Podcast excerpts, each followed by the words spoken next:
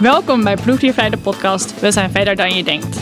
Al meer dan 2000 jaar worden proefdieren gebruikt. Wanneer komt hier nu eindelijk een einde aan? Bij Stichting Proefdiervrij zorgen we ervoor dat proefdiervrije en mensgerichte methodes ontwikkeld worden, waardoor dierproeven overbodig worden. Mijn naam is Saskia en ik werk bij Stichting Proefdiervrij. Samen met mijn collega Romy stel ik je voor aan mensen die ons gaan vertellen dat het anders kan en dat we verder zijn dan je denkt. Want we weten, we zijn er nog niet. Juist daarom laten wij in acht afleveringen verschillende proefdiervrij pioniers vertellen hoe we hier verandering in gaan brengen. Want wordt het niet eens tijd dat we het gaan hebben over een proefdierenverbod? Welkom bij de eerste aflevering van Proefdiervrij de podcast. We zijn verder dan je denkt. Dit jaar bestaat Proefdiervrij 125 jaar. Maar is dat wel een feestje waard? Vandaag is onze gast Robert Passier. Ehm, hij doet onderzoek naar hart- en vaatziekten. Uh, vaak wordt dit gedaan op honden. Ehm, Robert, leuk dat je er bent. Hartstikke fijn dat je bij ons hier aanwezig wilde zijn. Ja, goedemorgen. Leuk, uh, leuk om hier te zijn en leuk om hier over dit onderwerp te praten. Ja, wij zijn heel blij dat Robert hier uh, naar de studio gekomen is om het met ons over dit onderwerp te hebben. Ehm, Robert, kan je gelijk beginnen met jezelf iets verder voor te stellen en te vertellen over het onderzoek wat jij doet? Ja, zoals gezegd, inderdaad. Uh, mijn naam is Robert Passier. Ik, ik ben hoogleraar aan de Universiteit Twente en het Leidse Universitair Medisch Centrum. Wij werken met stamcellen. Deze stamcellen hebben de mogelijkheid om verschillende cellen van het lichaam te worden. Dus wij kunnen dat in het lab zodanig bewerken dat wij bijvoorbeeld vanuit een stamcel een hartspiercel kunnen maken. En in het lab maken wij daar uh, 3D-modellen van. Dus dat betekent dat wij in een kweek uh, bakje als het ware uh, 3D-structuren maken. In dit geval hebben we het over het hart. Hè? Dan kunnen we het hart nabootsen. Mm. Um, dit proberen wij dus in het, in het lab na te bootsen, zodat wij steeds beter kunnen begrijpen hoe de hartfunctie werkt. En het voordeel is, als wij met stamcellen werken, dat wij die ook van, van patiënten uh, kunnen, kunnen krijgen. Dus die kunnen we, uh, als, als we het hebben over bijvoorbeeld uh, het nabootsen van hartziekten. Dat betekent als een patiënt met een bepaalde mutatie, dus dat betekent een foutje in het DNA. Um, als dat leidt tot hartfalen of hartziekte, dan kunnen wij dat proberen ook in het lab na te bootsen. Doordat die stamcellen, die komen van die patiënten, mm -hmm. dat kunnen we in ieder geval nabootsen. En in het lab, als we dan van zo'n stamcel weer een hartspiercel kunnen maken, dan kunnen we dat ook uh, in het lab testen. En dan kunnen we ook kijken of de cellen die we in het lab dus hebben, of die ook inderdaad ziek zijn. En als we dat goed kunnen vergelijken met de patiënt, dan kunnen we ook weer op zoek gaan naar uh, nieuwe mogelijkheden om uh, ja, sowieso beter te begrijpen waar die ziekte vandaan komt, maar ook het testen van medicijnen. We kunnen dit, dit soort modellen, dit soort in vitro kweekmodellen, kunnen we gebruiken voor het testen van medicijnen. Ja, mag ik daar gelijk wat over vragen? Jullie hadden mijn stem nog niet gehoord. Ik ben dus Romy, de co-host. en uh, ik heb er gelijk een vraagje over. Want je zegt, uh, um, het zijn uh, cellen van patiënten. Maar waar moet ik dan aan denken? Zijn patiënten dan vrijwillig, tekenen ze iets om die cellen af te geven? Of waar halen jullie die cellen vandaan? Nou, de cellen kunnen afkomstig zijn direct mm -hmm. van, van patiënten. Dus met een bepaalde technologie. Die nu ruim 10 jaar al, ja, zeg maar 15 jaar al aanwezig is kunnen deze cellen in eerste instantie bijvoorbeeld vanuit uh, van het huid, mm -hmm. maar tegenwoordig is het ook mogelijk om van andere cellen, bijvoorbeeld bloedcellen, uh, ook cellen vanuit de urine, uh, die kunnen afgenomen worden. Mm -hmm. En die cellen kunnen omgezet worden naar stamcellen. Okay. En die stamcellen kunnen we dan vervolgens weer omzetten naar allerlei andere celtypes, zoals de hartspiercellen, maar ook ja, cellen van, van de hersenen, van de darm, ja, noem maar op. Ja. Dus dat is, uh, in, zoals gezegd, in 2007 een enorme doorbraak geweest voor het stamcelonderzoek. Ja. Zodat we dit soort onderzoek nu echt uh, ja, zeer uh, dicht bij de patiënt kunnen brengen. Ja. Nou, dat klinkt hartstikke mooi. En je hebt het over hartspiercellen en het nabootsen van het hart. Hebben we het dan echt over een, een mini-hart, zoals, we, zoals je het ziet op een plaatje misschien wel wat in ons lichaam zit? Ziet het er net zo uit op het lab? Uh, we proberen daar wel steeds uh, meer naartoe te werken. Dus ik noemde al in het begin 3D. Hè? Dus dat, uh, het hart is natuurlijk ook een complex orgaan, bestaat uit meerdere cellen. Het is natuurlijk ook, ja, als je kijkt hoe dat in elkaar zit, is zeer complex om na te, na te bouwen. Dus dat is nog niet meteen mogelijk, maar we zijn wel steeds meer in staat om de verschillende celtypen waar ook het hart uit bestaat, om die individueel te maken. En die eigenlijk ook weer te gebruiken als bouwstenen om in 3D dat, dat uh, na te bootsen. En dat is nu nog nou, proberen we bijvoorbeeld nu in het lab ook een soort van een hartkamer na te bootsen, die uiteindelijk ook kan pompen. net zoals het hart bloed pompt naar de organen, proberen we dat ook in het lab nu, dat we zo'n zo'n hartkamer als het ware kunnen, kunnen nabootsen, dat er ook vloeistof vanuit deze hartkamer uitgepompt wordt. En dat proberen we te meten. Ja. En ook daar, als we natuurlijk weer met, uh, met, ja, met stamcellen werken, waarvan we weten, daar zit een foutje in, dus vergelijkbaar uh, met, met de patiëntensituatie, dan kunnen we ook zien of daar minder uitgepompt wordt. Ja. Of, uh, en op deze manier kunnen we dat ook weer gebruiken voor het testen van medicijnen bijvoorbeeld. Ja. Maar ook de, ja, begrijpen waarom het misgaat. En daar, daar zijn dit soort modellen ja, zijn daar geschikt voor. En ja. zoals gezegd, ze worden steeds complexer. Ze gaan steeds meer lijken op het, in dit geval op het humane hart. En dat is natuurlijk heel belangrijk om nou goed, steeds meer een voorspelling te kunnen geven van oké, gaat, dit, gaat dit medicijn bijvoorbeeld werken? Ja. Begrijpen we echt. Uh, Wat ik me dan ook wel gelijk afvraag als je het dan zo uh, vertelt. En dan lijkt het mij eigenlijk heel logisch. Het is heel erg mensgericht. Het zijn menselijke cellen. Het zijn dus ook uh, processen hoe het in het menselijke lichaam loopt. Waarom werd het dan eerst op honden getest?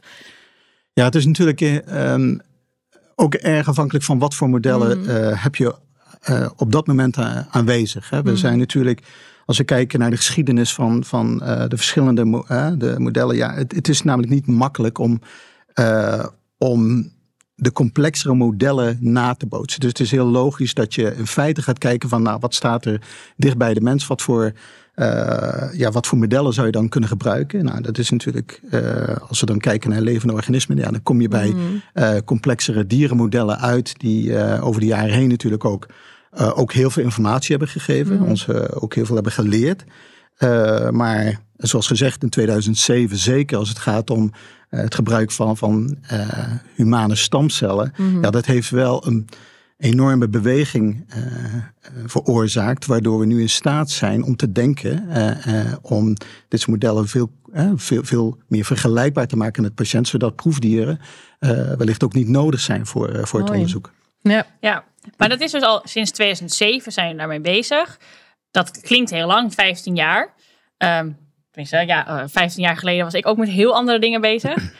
Um, hoe, hoe kan het dat het eigenlijk zo lang duurt?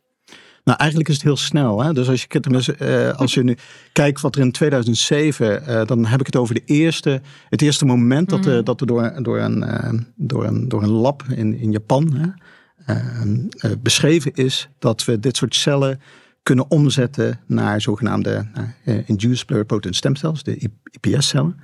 Uh, dat is voor het eerst beschreven. Dus het duurt een tijd voordat die mm. kennis ook natuurlijk uh, nou, door anderen overgenomen wordt. Het is al heel bijzonder dat dat uh, vrij snel door verschillende labs in de wereld nagebootst kan worden. Want mm -hmm. het is niet makkelijk om andere bevindingen na te bootsen in het lab. En van daaruit moet je gaan begrijpen, ja het is fijn dat we natuurlijk stamcellen dan kunnen maken. Mm. Maar hoe kan je die vervolgens ook weer omzetten naar nou, wij zijn geïnteresseerd in hartspiecellen. Hoe kan je dat nu uh, weer, weer, weer begrijpen? Hoe kan je mhm. dat doen? Ja, en dat heeft natuurlijk ook weer tijd nodig voordat je dat begrijpt. En op het moment dat je dan begrijpt hoe je hartspiecellen kunt maken, ja, dan is het niet meteen dat je een hart kan nabootsen. Dus dat heeft stap voor stap kom je steeds dichterbij. Ja. Uh, ja, bij het maken van, uh, van ja, laat zeggen, complexere modellen, 3D-modellen. Uh, in het lab die steeds meer gaan lijken op, op het humane hart. Dus in 15 jaar is daar ontzettend veel gebeurd. En niet alleen, ik noemde de, de, de IPS-cellen, de stamcellen. Mm -hmm. Maar daarnaast is er, ja, ook in die periode zijn er enorme ontwikkelingen geweest als het gaat om organoïden. Mm -hmm. En dat zijn in feite ook vanuit de stamcellen. Dat kunnen adulte stamcellen zijn, maar ook de, de, ik noemde al even de IPS-cellen, mhm. de, de, stamcellen die vanuit de mens gegenereerd worden. Uh, van, vanuit het, dat onderzoek is het ook duidelijk dat, uh, dat je vanuit uh, dat je structuren kunt maken, ook weer in 3D, mm die de capaciteit hebben om dat zelf te organiseren.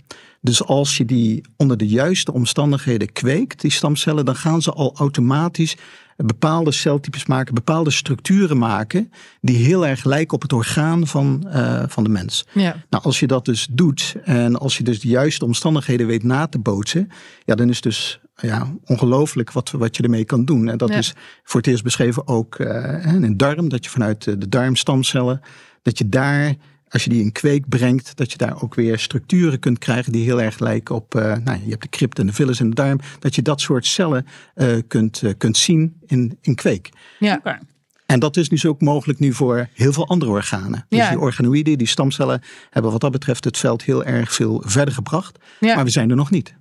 Dat is wel leuk om later nog even denk ik op terug te komen. Want dat hangt natuurlijk ook wel weer samen met het thema Ja. wat jij al even intro- introduceerde, Sas. Ehm, we zijn verder dan je denkt. Eh, ik denk dat, eh, wat je ook al aangaf, op het moment dat de kennis er was en dat gedeeld werd, is dat toch echt wel in snelvaart gegaan. Ja. Eh, ik denk dat het ook wel een groot doel is van de podcast, eh, waarom we dit opnemen. Eh, om mensen te laten zien en dus ook eh proefdiervrije pioniers hebben ze even genoemd, zoals jij Robert, eh, een podium te bieden om daarover te vertellen en ook anderen te inspireren en die kennis te delen. Dus ik denk dat het leuk is om ook op het eind nog even terug te kijken van wat kan het dan betekenen voor andere ehm, Ja, gebieden van, ja. in de wetenschap. Ja. Misschien is het leuk om ook nog even aan te haken op eh, het stukje financiering wat er voor nodig is. Ja, nou ja, dat is zeker. We Ja. hebben toch 15 jaar. En dat klinkt voor mensen, eh, voor ons, voor Romy en mij heel lang. En je geeft al aan, dat is eigenlijk heel snel. Ehm, wat zijn nou nog, hoe kunnen we het nog versnellen? Kijk, wij denken als proefdiervrij denken we, we moeten meer investeren. Eh, hoe zie jij dat? Nou, investering is natuurlijk super belangrijk. het onderzoek eh, kost geld. Eh, ook als ik het heb specifiek over het stamcelonderzoek, ook die kweken die, die, die je moet inzetten. Je hebt heel veel cellen nodig. Eh, dat kost gewoon heel veel, eh, heel veel geld. Eh, dus wat dat betreft is het ook, financiering is, eh, is zeker eh, heel belangrijk. Eh, maar er, is natuurlijk veel meer nodig. Eh, ik denk dat het, ehm, eh, wat belangrijk is, is ook dat het, eh, dat er vanuit de opleidingen hè, veel meer aandacht aan besteed moet worden. Dat mensen ook bewust zijn van de verschillende mogelijkheden die er Ja. zijn. Daar wordt natuurlijk aan ge- gewerkt, maar ik denk ook eh, dat binnen, eh, binnen die opleiding als, als eh, jonge onderzoekers al weten van welke mogelijkheden er zijn. Ze, ze al veel meer bewust een Ja. keuze kunnen maken. Dus daar, daar zit een stuk, stu- stuk opleiding. Maar daarnaast is het niet alleen ja, geld geven. Het is denk ik natuurlijk ook eh, ja, hoe kan je die. eh, hoe kan je de juiste structuren eh, aanbieden? En dat is Ja. ook, het is niet alleen de, ehm, alleen naar, naar bijvoorbeeld, in dit geval als we het hebben over stamcellen, dat soort werk te Mhm. financieren, maar daar breder naar te kijken. Hè. Er Ja. zijn natuurlijk heel veel ontwikkelingen.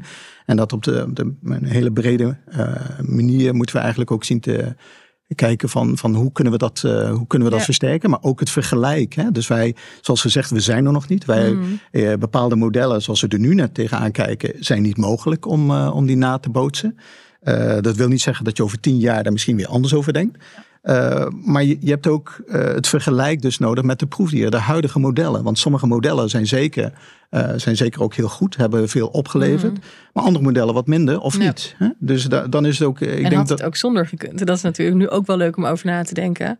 Nou ja, had het zonder gekund. Het is natuurlijk ook een, een proces. Hè? Dus je, Ja. je, je, ehm, als je op nul begint en je weet nog niet in hoeverre Nee. dat, je, dat je met een proefdiermodel daar echt een antwoord op kan krijgen. Ja, dat, is, dat ga je natuurlijk eh, later zien in hoeverre Ja. dat medicijnen ook. ehm, ze kunnen werken in een proefdiermodel, maar als je dan naar de, naar de patiënt gaat en ze werken daar niet. Ja, dan is het eh, goed. eh, dan, dan, dan ga je zoeken naar alternatieven. Ja.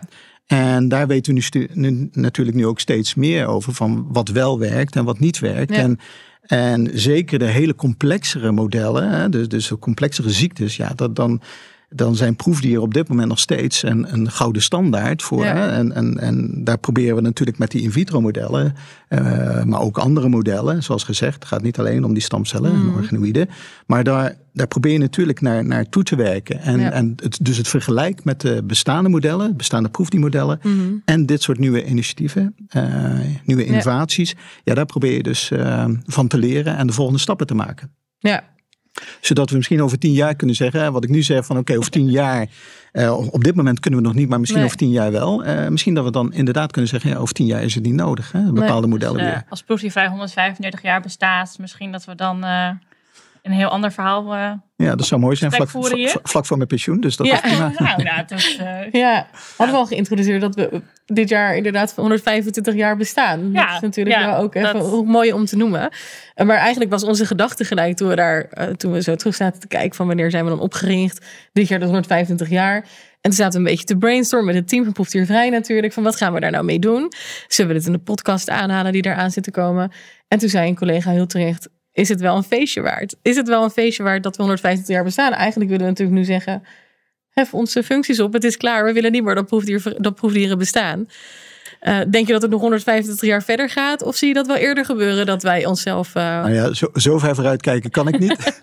Sowieso als wetenschappers niet weten nee. uh, of het mogelijk is, dan kijken ze zeg maar tien jaar vooruit. Ja. Dat is al. Ja. Oh, tien jaar, dat is tien jaar. mooi. Ja. Dus waarschijnlijk over tien jaar kunnen we iets meer vertellen. Maar het is, kijk met proefdiervrij. En dat is natuurlijk ook, uh, uh, mensen weten niet altijd goed hoe ze daarmee om moeten gaan. Ik Nee. weet ook mijn eerste contact met proefdiervrij. Uh, wat, ja, je weet nog niet precies wat je kan verwachten. Maar Nee. voor mij heeft het ook uh, wat dat betreft heel veel gebracht. Omdat je ook op een andere manier uh, naar dingen gaat kijken. Mhm. En wat ik heel prettig vind is dat proefdiervrij wat dat betreft ook de, uh, het gesprek aangaat. Ja. Het is denk ik niet. Ja, wat je niet moet doen is dat je mensen in een hoek gaat zeggen van jullie zijn verkeerd bezig. Mhm. Het is juist belangrijk dat je communiceert. Dus dat je echt het gesprek aangaat en zegt van oké. Okay, jullie doen dit, maar zou dat ook niet op een andere manier kunnen? Ja. Nou, laat mensen erover nadenken. En uh, dus, uh, dus ook terugkomen naar die financiering. Wat is belangrijk? Mhm. Ook daar is het belangrijk dat je, uh, dat je iedereen daarin meeneemt. Ja. Dus niet zeggen van oké, okay, het is alleen voor deze groep. Het is voor Ja. een bredere groep. Waarbij we gezamenlijk moeten gaan kijken naar betere wetenschap. En uiteindelijk leidend tot, een, ja, tot modellen waarbij we proefdieren kunnen, kunnen vervangen of verfijnen. En vind je dat de rol van de overheid daarin groter moet zijn eh, op het gebied van financiering? Als we daar nog even naar terug Ja, kijk, voor, voor mij is het een heel duidelijk antwoord dat het zeker zou moeten gebeuren. Ja. Er gebeurt nog te weinig. Uh, natuurlijk zijn er mooie initiatieven en, en komen er ook mooie Mhm. initiatieven aan.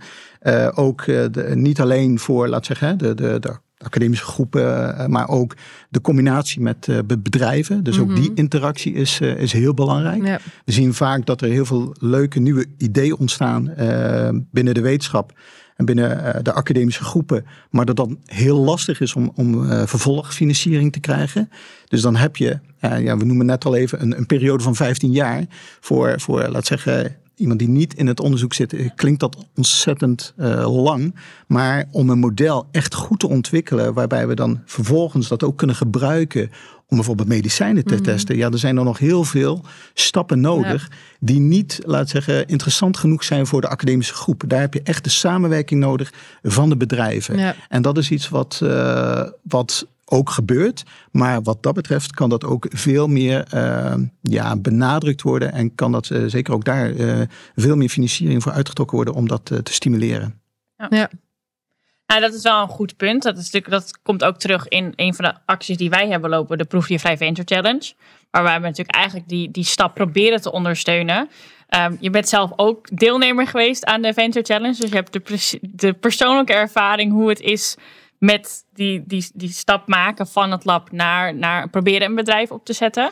Ja. Um, Misschien wel leuk om daar nog een beetje wat uitgebreider ja, over te vertellen. Ja, want is, uh, we laten de Venture Challenge nu zo vallen, ja. maar dat is echt wel een, uh, ja. Een supermooi, uh, supermooi project. Uh, misschien je er nog meer vertellen? Ja, nee, tuurlijk. Uh, nou, met de Proefdiervrij Venture Challenge probeert Proefdiervrij inderdaad, de, wat, wat Robert net beschrijft, de, de stap van het lab naar de praktijk. In de politiek is dat de route van lab naar praktijk genoemd door verschillende Kamerleden. Um, om die te ondersteunen en om de mensen te helpen, um, onderzoekers te helpen. Van hoe gaan we nou, inderdaad, als ik die stap verder, als ik mijn model verder wil brengen, um, de academie is misschien minder geïnteresseerd hoe gaan we dat doen? En uh, bij de Proefdiervrij Venture Challenge dagen we dus eigenlijk deze mensen uit om een venture, om een bedrijf um, vorm te gaan geven. En nou ja, daar uh, uh, hopen we dan uiteindelijk de proefdiervrije innovatie verder mee te brengen.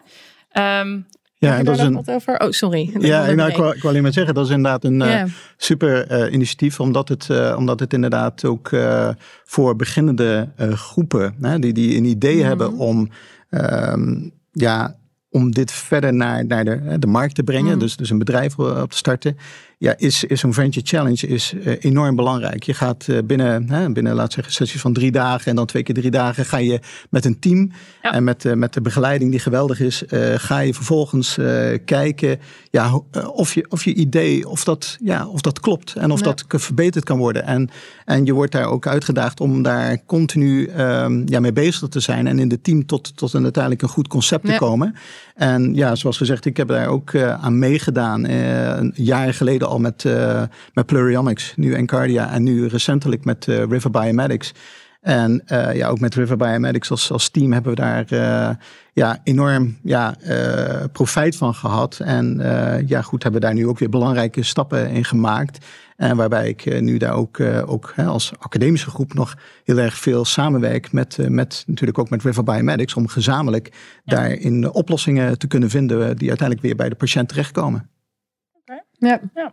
Mooi. Ja, nou ja, ik wilde inderdaad nog even aanhaken, want jij gaf net aan, uh, de Kamerleden uh, gaven ook al aan van, nou, dat is de route van lab naar bedrijf. Ja. Uh, hoe komen de Kamerleden hier nu weer om de hoek kijken? Ja, nou, goede vraag. Ehm, we zitten midden in het proces richting een commissiedebat in, de, in het kabinet. Dat betekent dat de woordvoerders dierenwelzijn of dierproeven over dit onderwerp gaan debatteren. Um, dat is ook de aanleiding geweest voor onze kabinetscampagne natuurlijk. Om mhm. extra aandacht te vragen richting een kabinet voor die proefdieren. Um, een aantal van de woordvoerders die wij spreken hebben een tijdje geleden ook al een motie ingediend. En hebben ze dus eigenlijk aan de minister gevraagd van... hey, beste minister, kan jij uitzoeken, kunt u uitzoeken... Um, hoe we als, als, als overheid, hoe de route van het lab naar praktijk beter ondersteund kan worden. En waar de valkuilen zitten. Mm en daar, nou ja, dat wij, wij als proefvrij denken dat uh, de Proefvrij Venture Challenge daar een van de antwoorden op is. Um, maar dat kan natuurlijk ook uh, betekenen dat er misschien meer geïnvesteerd moet worden. Om nog maar weer even erop terug te komen. Ja, vanuit de overheid. Dan, ja. Om juist die fase van het onderzoek um, te, of, ja, te, te ondersteunen. Um, Moeten ze misschien even luisteren naar deze podcast. En natuurlijk het succes wat Robert benoemde. Ja, ja. Uh, wat nu wordt dat, waar, wordt dat, waar komt dat geld dan nu vandaan om de Proefdiervrij Venture Challenge? Uh, nu komt dat geld komt bij Proefdiervrij vandaan. Bij eigenlijk de, dus donateurs. De donateurs. Ja. Um, en daar zijn we heel blij mee. We zijn er heel trots op. Uh, maar ja, dat is, ook, dat is ook... Wij kunnen zes teams doen in een jaar. nu. Je mm. wil natuurlijk eigenlijk als we proef, alle 500.000 proefdieren in Nederland willen gaan vervangen Um, kan je je voorstellen dat we meer dan zes teams per jaar nodig hebben om dat te gaan bereiken. En dan kan zo'n ehm, kleine proefdier vrij uh, kan best wel wat betekenen en misschien een voorbeeld geven. Ja, dus, uh, dus ik denk dat wij hebben het mooie voorbeeld gegeven. Het zou mooi zijn als het kabinet daar ook nu op inspringt en uh, ziet van hé, hey, het werkt. Ja. We hebben het denkwerk al voor ze gedaan. Ja, misschien, misschien goed om daar nog aan toe te voegen dan mm. ook dat we ook vanuit het, het cardiovasculaire veld uh, nu aan het kijken zijn. Hè? Ook wat, hoe, we, hoe we ook kunnen adviseren om verder te gaan. Dus, uh, dus vanuit het uh, Nationaal Comité Advies Dierproevenbeleid is ook de vraag gesteld van nou, als we kijken naar, naar het onderzoek, hoe kunnen we dan toewerken naar proefdiervrije innovaties? En van daaruit dus ook met, met organisaties zoals de Dutch Cardiovascular Alliance, mm daar een team zijn we ja, hebben we verschillende um, ja, betrokkenen gevraagd van, naar hun mening. Hoe kunnen we dit veld nu verder brengen? En dat dus niet alleen met de wetenschappers, maar ook patiëntorganisaties, onderzoeksorganisaties, bedrijven. Om vervolgens met een advies te komen, ook uh, uit het kabinet, om, om daar iets mee te gaan doen. En uh, wat ik al eerder aangaf, ik denk ook dat het is belangrijk om, daar, om dat gezamenlijk te doen. Hè? Dus, dus niet alleen dan te praten met, met mensen die al mm uh, werken aan, aan dit soort uh, innovaties, maar breder de, dus ook het draagvlak daarin te, te krijgen. Dus dat is denk ik heel belangrijk om dat advies verder nu hè, ook uit ja. te werken en dat ja. ook aan te kunnen bieden aan het kabinet om, om daar vervolgens ook nou ja, goed te zien waar, behalve dan uh, de financiering die natuurlijk belangrijk is, maar dan ook uh, verder daar uh, om dat te kunnen stimuleren. Ja. En zal dat dan, want wij vragen natuurlijk vanuit proefdiervrij meer aandacht voor de proefdieren. we weten natuurlijk vanuit de wetenschap is het meer gericht op meer aandacht op de gezondheid van van de mens. Um, wat is dan een goede insteek voor ons richting een kabinet? Moeten wij dan zeggen, geef meer aandacht aan de proefdieren? Of geef meer aandacht aan innovatieve wetenschap? En dat de oplossing is dus zonder proefdieren, of in ieder geval een, een symptoom, een bijwerking daarvan. Nou, die laatste, kijk, en natuurlijk als je vraagt aan mij, mm. uh, dat laatste werkt veel beter. Omdat ja.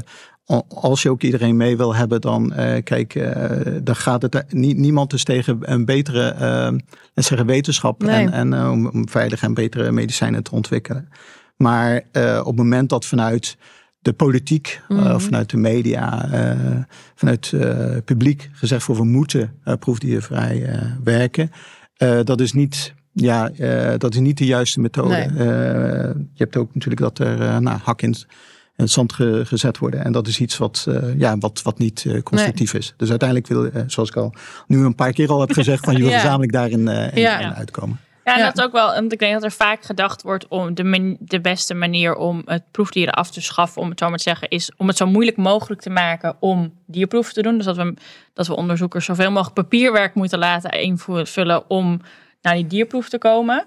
Ehm, terwijl wij natuurlijk eigenlijk willen dat je juist die aandacht inzet op proefdiervrije innovatie mhm. en niet alleen maar um, het zo moeilijk mogelijk maken. Tegenwerken. Ja. Ik geloof niet dat documentatie, kijk, dat, dat dat de juiste methodes zijn. Hè? Dus, dus wat, wat dat betreft, kijk, daar komen, als, als uh, het, uh, laat zeggen, de motivatie is uh, bij de wetenschappen om die proefdieren te doen, mm. ja, je kan ze meer papier geven, maar dat, dat is vervelend. Ja. maar uiteindelijk uh, uh, wordt dat dan wel gedaan. Dus dat is niet iets uh, om proefdiervrij onderzoek te stimuleren. Dus ik denk echt, het moet komen vanuit, vanuit de betere wetenschap en ehm, op die manier de stappen te, te zetten.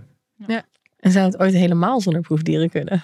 ja, dan kom ik toch weer bij die tien jaar. Ja, dus, ja, ja dat, bij tien jaar. Over tien jaar gaan we het er nog eens over hebben. Maar zoals, kijk, zoals het er nu naar uitziet, hè, als je het hebt over uh, bijvoorbeeld hele complexe uh, cardiovasculaire ziektes, hè, dus om even op dit gebied ook mm. te houden, is dat gewoon nu nog heel lastig. Hè? Dus als we het hebben over, ja, waarbij je natuurlijk ook uh, niet alleen maar uh, de situatie van het hart, mm. maar dat daar bijvoorbeeld ook andere organen bij betrokken zijn die uiteindelijk wel belangrijk zijn voor het ziektebeeld van de patiënt. Ja. dan heb je die interactie van organen die zo belangrijk zijn om goed te kunnen begrijpen wat er nu aan de hand is, dat het natuurlijk heel lastig is om dat in een, in een in vitro model, ja. een, een kweekschaaltje, na te bootsen wil niet zeggen dat het niet mogelijk is uh, over tien jaar. Nee. Maar, maar op dit moment is het zeker, uh, zeker lastig. Maar ik denk wat we wel kunnen doen is dat we, vaak kan je ziektebeeld opsplitsen in, in kleinere uh, fragmenten.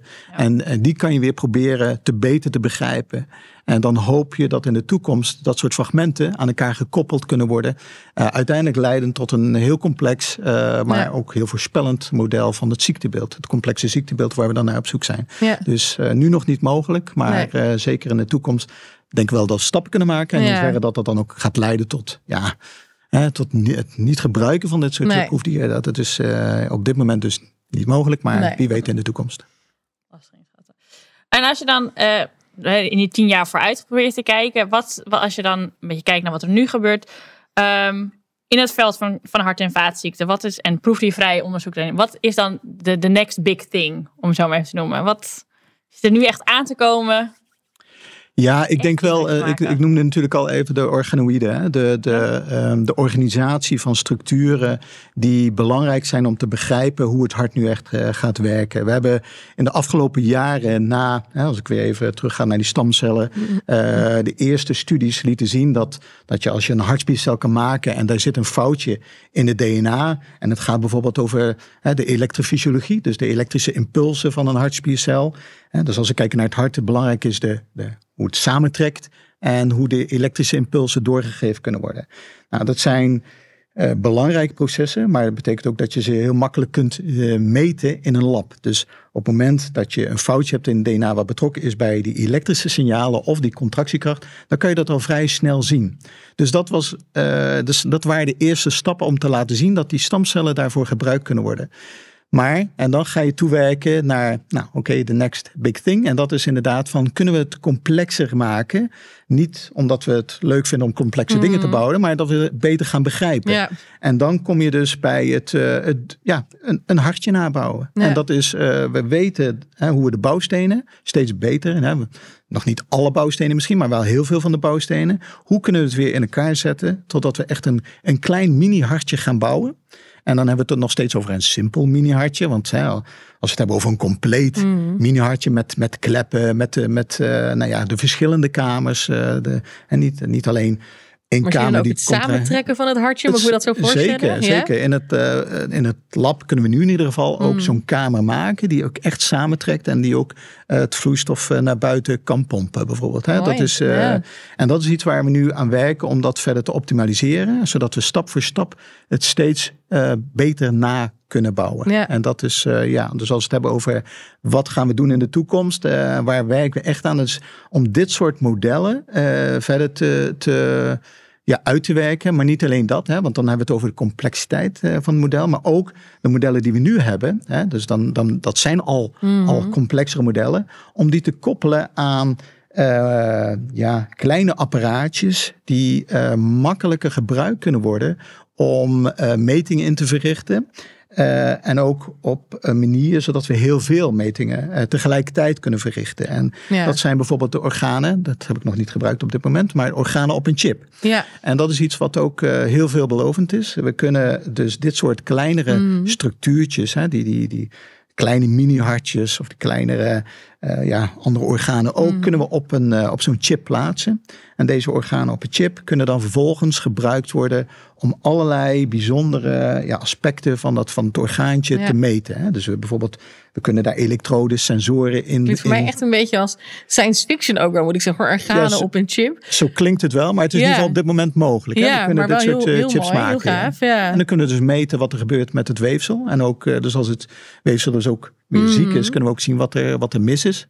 En met deze organen op een chip kan je dat ook op een, ja, op een geautomatiseerde manier kan je, dat, eh, kan, je dat, eh, kan je er een platform van maken. Ja. En met behulp van vloeistof wat door zo'n orgaan op een chip stroomt, kun je, ja, kun je ook de dynamiek, hè, de- Ja. dus die je ook natuurlijk in het lichaam hebt. Je hebt, eh, je hebt bloed wat door je organen stroomt. Dat kan je ook steeds beter nabootsen in deze organen op een chip. Dus Heel ook mooi. dat is, als we het hebben over de toekomst, veel meer het uitwerken van dit soort organen op chip modellen. Ja, ik moet zeggen, als ik dat dan zo hoor, ik, ik ben natuurlijk in mijn, eh, mijn werk bij Proefdiervrij, lees ik dit verhalen, eh, lees ik deze verhalen veel. En als ik interviews eh, bijwoon, dan, dan hoor ik dit. Maar ik vond het zelf altijd wel leuk om dan de foto's te zien en de video's, hoe dat werkt.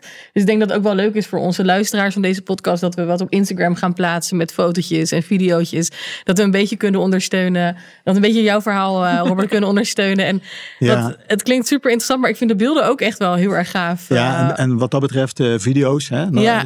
ja, spreken meer tot de verbeelding Daarom, natuurlijk. En ja. dat is dus mocht je nog bij- wat leuk beeldmateriaal hebben, ja, zeker. deel Dat, het. eh, ja. dat eh, gaan we zeker laten zien. ja, en dat kunnen we dan op onze Instagram delen. Ehm, en ik denk dat het wel leuk is om dat ook een beetje visueel te maken. Ik, ik zie het wel zo voor me, want ik zei science fiction. Ik zie allemaal dingen nu door elkaar lopen. Ja, maar dat is ook, het is ook boeiend. En dat denk ik ook natuurlijk als we mensen in het lab hebben en we, we, we laten dit soort kloppende cellen zien, maar ook de structuurtjes die we dus kunnen maken. Ja, ik, ik word er zelf ook altijd nog steeds enthousiast van, maar ook de mensen die het zien, eh, ja, zijn ook wel onder de indruk. En dat is natuurlijk tof, ook, ja. eh, het is ook heel wonderlijk om vanuit Ja. een stamcel een kloppend hartspiercel te krijgen, Ja. maar ook dat je nog structuurtjes daarin kunt maken die, eh, ja, die steeds meer gaan lijken op een kloppend eh, mini-hartje. Ja, dat is, Heel eh, is, blijft bijzonder om te Ja, zien. dat snap ik. Ja, bijna een geboorte. Bijna. Bijna.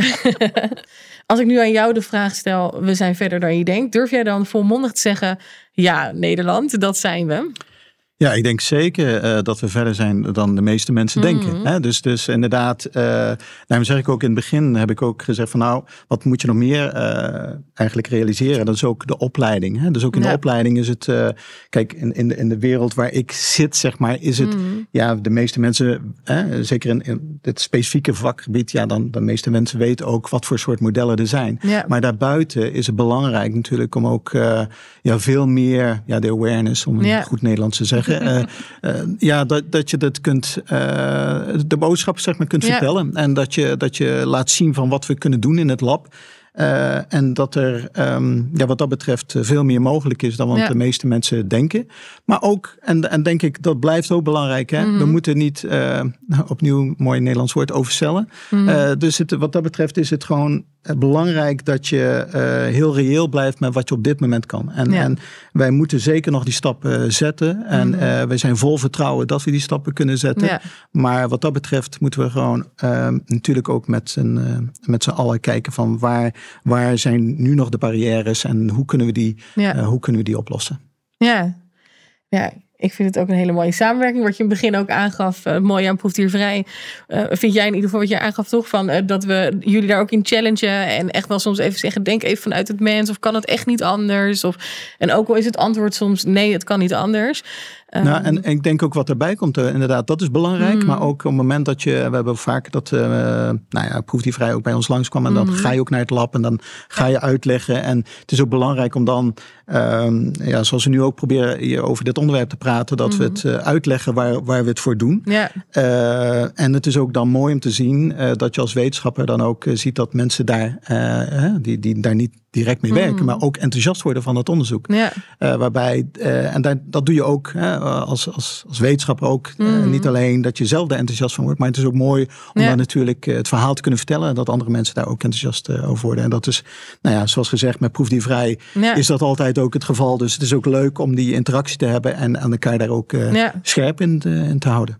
Nou, ik kom helemaal niet uit de wetenschappelijke wereld. En voordat ik hier kwam werken, dacht ik wetenschap, dat lees ik wel iets over in de quest. Maar verder weet ik er niet veel- zoveel van. Maar ik word hier ook heel erg enthousiast van. En vooral ook vanuit, denk ik, onze motivatie vanuit proefdiervrij. eh dat proefdieren echt wel de wereld uit moeten. Denk van ja, he- heeft het dan nut om, om alleen maar te schreeuwen? Dan denk ik, dan vind ik dit toch Nee, mooier dat niet. we Ja. samen eh, zoiets neer kunnen zetten. Dus eh, ja, Robert, ontzettend bedankt dat je hier aanwezig was eh, in het paard in Den Haag, waar we deze eerste podcast hebben opgenomen. Ehm, bedankt voor het, het, eh, alle informatie die je met onze luisteraars en met ons gedeeld hebt natuurlijk. Ehm, Ja, Voor dank, degene die dankjewel. geluisterd- Graag ja. gedaan. Ik vond het een leuk gesprek. ja, Ja. mooi. dankjewel. Ehm, voor degene die geluisterd heeft, bedankt voor het luisteren. Ehm, deze serie podcast, podcast serie, ehm, wordt elke laatste vrijdag van de maand uitgezonden. Ehm, en we hopen je natuurlijk bij de volgende aflevering. Om eh, vier uur. Elke laatste vrijdag om vier uur staat hij Ja. live. nogmaals, elke laatste Ja. vrijdag om vier uur komt er een nieuwe aflevering van Proef je Vrij de podcast. We zijn verder dan je denkt. Ehm, voor nu, bedankt voor het luisteren en tot de volgende keer.